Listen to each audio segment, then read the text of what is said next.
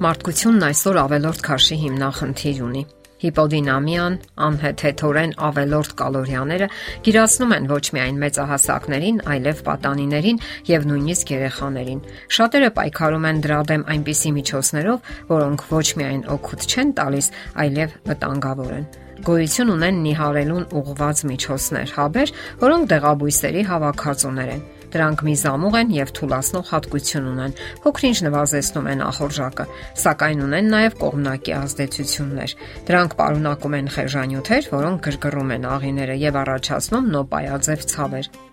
Կողմնակի ազդեցություն ունեն անընդհատ գովազդվող գործնականում բոլոր նիհարեցնող թեյերը։ Դեղամիջոցների մյուս խմբին են պատկանում նրանք, որոնք նվազեցնում են ախորժակը ընդդուք մինչև անհետացնելուն։ Դրանք նույնպես բուսական հիմք ունեն։ Նման դեղամիջոցների թվին են պատկանում էկզոտիկ բույսերի, գուարանայի եւ լիանայի հիմքի վրա պատրաստված, այսպես կոչված հրաշագործ դեղամիջոցները։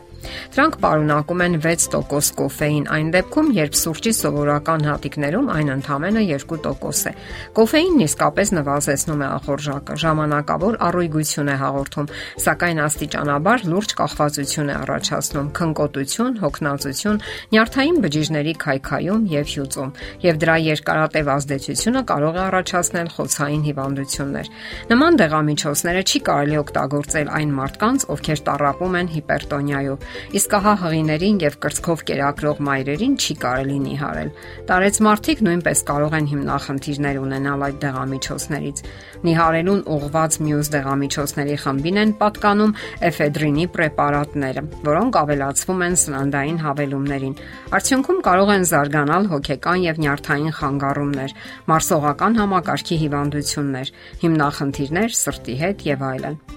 Վենեցիայի գիտնականների ուսումնասիրությունները ողջել են, որ այդ դեղամիջոցների մեծ մասը որոշ մարդկանց մոտ բարձրացնում է արյան ճնշումը, առաջացնում սրտի եւ թոքերի հիվանդություններ, որոնք ուղեկցվում են շնչառության դժվարություններով, հոգնածությամբ, գլխապտույտով եւ այլն նկատվել են թոքերի արյունատար անոթների նեղացման ու խցանման փաստեր, արագ հոգնածություն, նյարդայնություն, դեպրեսիա։ Իսկ որոշ բժիշկների կարծիքով այդ դեղամիջոցներն ազդում են նաև գլխուղեղի ֆունկցիայի վրա։ Համադրելով այս բոլոր փաստերը կարելի է ասել, որ շատ ավելի հուսալի են սննդակարգի բարելավումն ու ֆիզիկական երանդուն կյանքը։ Կանոնավոր ֆիզիկական վարժությունները պարզապես հրաշքներ կարող են գործել ձեր կյանքում։ Դրանք ոչ միայն նիհարեցնում են, այլև համակողմանիորեն բարելավում են ձեր ողջ մարմինը եւ բոլոր ֆիզիոլոգիական գործընթացները։ Եթե դուք ճունեք կոնկրետ բժշկական միջամտություն պահանջող հիվանդություններ, ապա կարող եք խորհրդակցել բժիշկների հետ եւ զբաղվել մարզման այն տեսակով, որն առավել հաճելի եւ օգտակար է ձեզ։ Կարևոր է զբաղվել կանոնավոր եւ հաճույքով։ Ֆիզիկական վարժությունները ամրապնդում են սրտամկանը։ Բնականon վիճակի են վերում արյան ճնշումը։ Բարձր ճնշման դեպքում այն իջեցնում է, իսկ ցածրի դեպքում բերում նորմային իջեցնում է пульսի հաճախականությունը, կարգավորում է արյան շրջանառությունը, որովհետև բարձրացնում է թթվածին մատակարարելու արյան ընդունակությունը եւ այն մեծ ծավալով հասնում է բոլոր օրգան համակարգերին, ապա հավաքում է նյութափոխանակման ավելորտ արգասիքները եւ դրանք հեռացնում երիկամների, թոքերի եւ մաշկի միջոցով։ Բարձրացնելով քիմիական ակտիվությունը, վարժությունները նպաստում են առավել խոր շնչառությանը եւ արդյունքում ավելի շատ ածխաթթու գազ է հեռանում օրգանիզմից։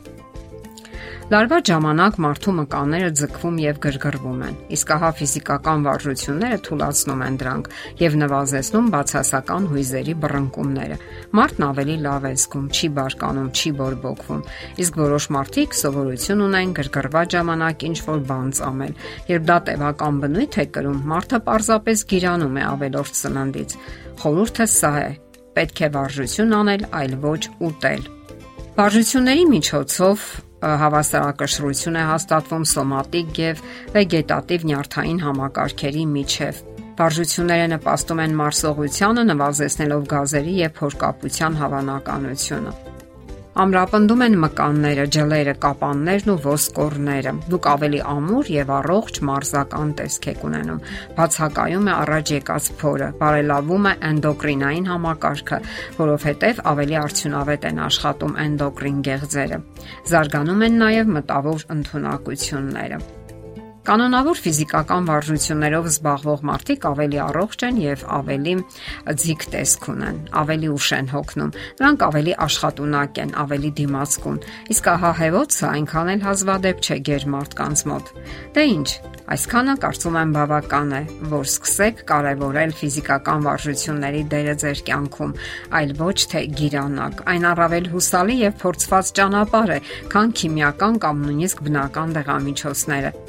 Այն առավել հուսալի եւ փորձված ճանապարհ է, քան քիմիական կամ նույնիսկ բնական դեղամիջոցները, որոնք երկար չեք կարող օգտագործել։ Եվ ի վերջո, որքան կարող եք օգտագործել դեղամիջոցները կամ նիհարեցնող միջոցները։ Դե ի՞նչ, բարի ընթացք դեպի երանդուն կյանք։ Եթերում առողջ ապրելակերպ հաղորդաշարն է։ Հարցերի եւ առաջարկությունների համար զանգահարել 033 87 87 87 հեռախոսահամարով։